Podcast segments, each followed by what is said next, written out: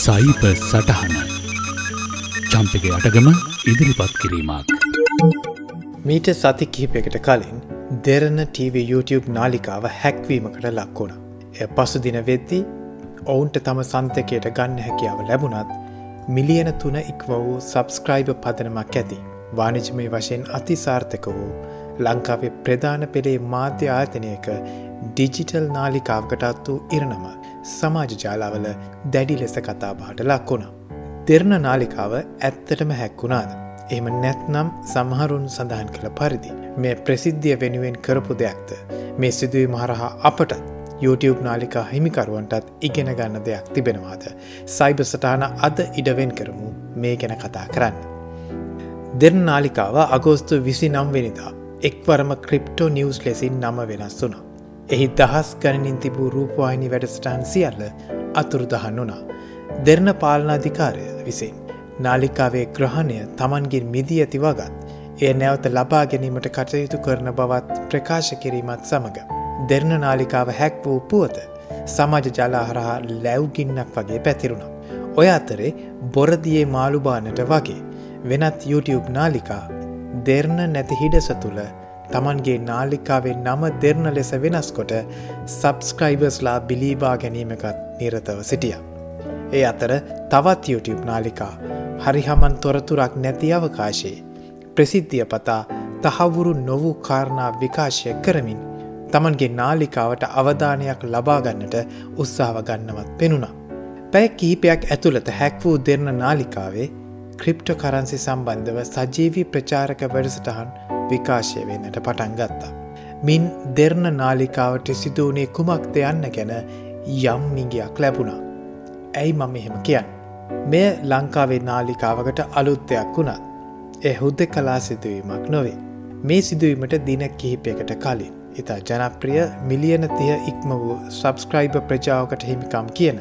Hakeem prime ආලොකොෆිසිියල් JKK entertainment නාලිකාත් මේ විදිහටම ග්‍රහණයට හසුවී නීති විරෝධී ක්‍රිප්ටොකරන්සි ජාවාරම් ප්‍රවර්ධනය කරන වීඩියෝ ඒවා හරහා විකාශනය වී තිබුණා.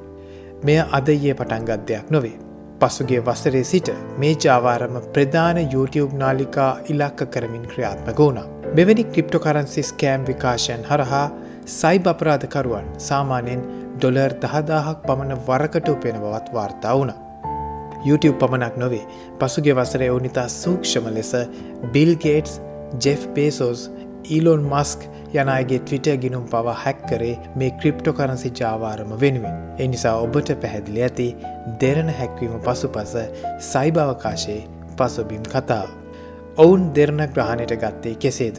මේ ගැන දෙරණ ඩිජිටල් ප්‍රධානී ජනිත් රොද්‍රිගෝ මහතා මේ සිදුව මේ පසු විපරමක් කරමින් සඳහන් කළේ. ඔවුන්ගේ ඩිජිටල් කණ්ඩායමේ පුද්ගලයුකේ පරිගණකයක තිබූ දුරස්ථ ප්‍රවේශ මෘදුකාංගයක තිබූ අඩුපාඩුවක් මේට හේතුව වග.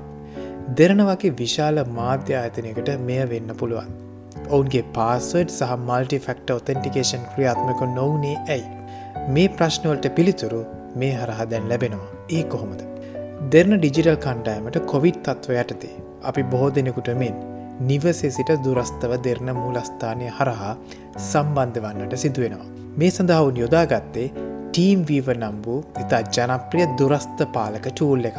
මෙහි ඇති අවධානම තමයි. ටීම් වීව සම්බන්ධතාවය හයිජැක් කළහොත්. හැකට පුළුවන් වෙනවා ඒ පරිගණකේ ඒ වන කොටත් ස්ථාපිත සියලුම ගිනුම්වලට ඇතුල්වෙන්. දෙන්නට වැරදුනේ මෙතන මේ පරිගණකේ අදාළ පාස්වර්ඩ්ස් පවා බ්‍රව්ස එක තුළ සේව් කර තිබීම නිසා.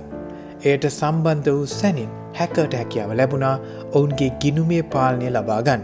ස්ථාපිත සම්බන්ධතාවයක් නිසා මල්ටිෆෙක්ට ඔතෙන්ටිකේෂන් ක්‍රියාත්මකුණේ නැහැ. දෙරන මේකෙන් පාඩමක් ඉගෙන ගත්තා. දැන් එයාලගේ කණ්ඩායමට ආරක්ෂාකාරීව දුරස්ථ සම්බන්ධ වෙන්න VPN එකක් ස්ථාපිත කරලා තියෙන්. ඒ සමගම සයිබ සෙකට ඔඩිට් එකක් පවත්වා මෙවැනි වල්නරබිලිටිස් එනම් අඩුපාඩු සොයා පිළියම් විදීමට ඔවුන් බලාපොරොත්තු වෙනවා. මින් අපට ඉගෙනගත හැකිදේ කුමක් හැකි සෑම විටම පාස්වඩිකට අමතරව 2ෆෙක්ට ඔතෙන්ටිකේෂන් ක්‍රියාත්ම කරන්න. එකිනෙකට වෙනස් එනම් යුනික් පාස්වර්ඩ්ස් භාවිතා කරන්න නමුත් ඒවා බ්‍රව්ස එකේ සෙව් නොකරින් ඒ සඳහා පාස්වර්ඩ් මැනේජ එකක් භාවිතා කරන්න.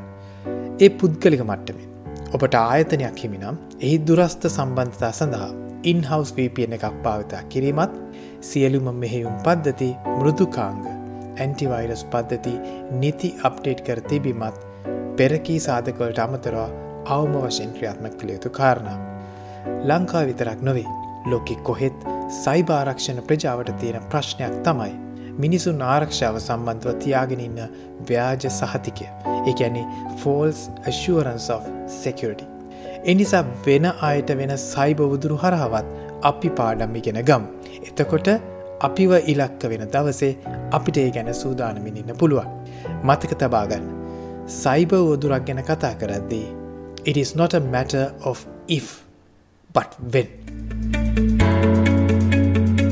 අදත් ඔබට සයිබ සටහනගෙන මම චම්පික යටකම්.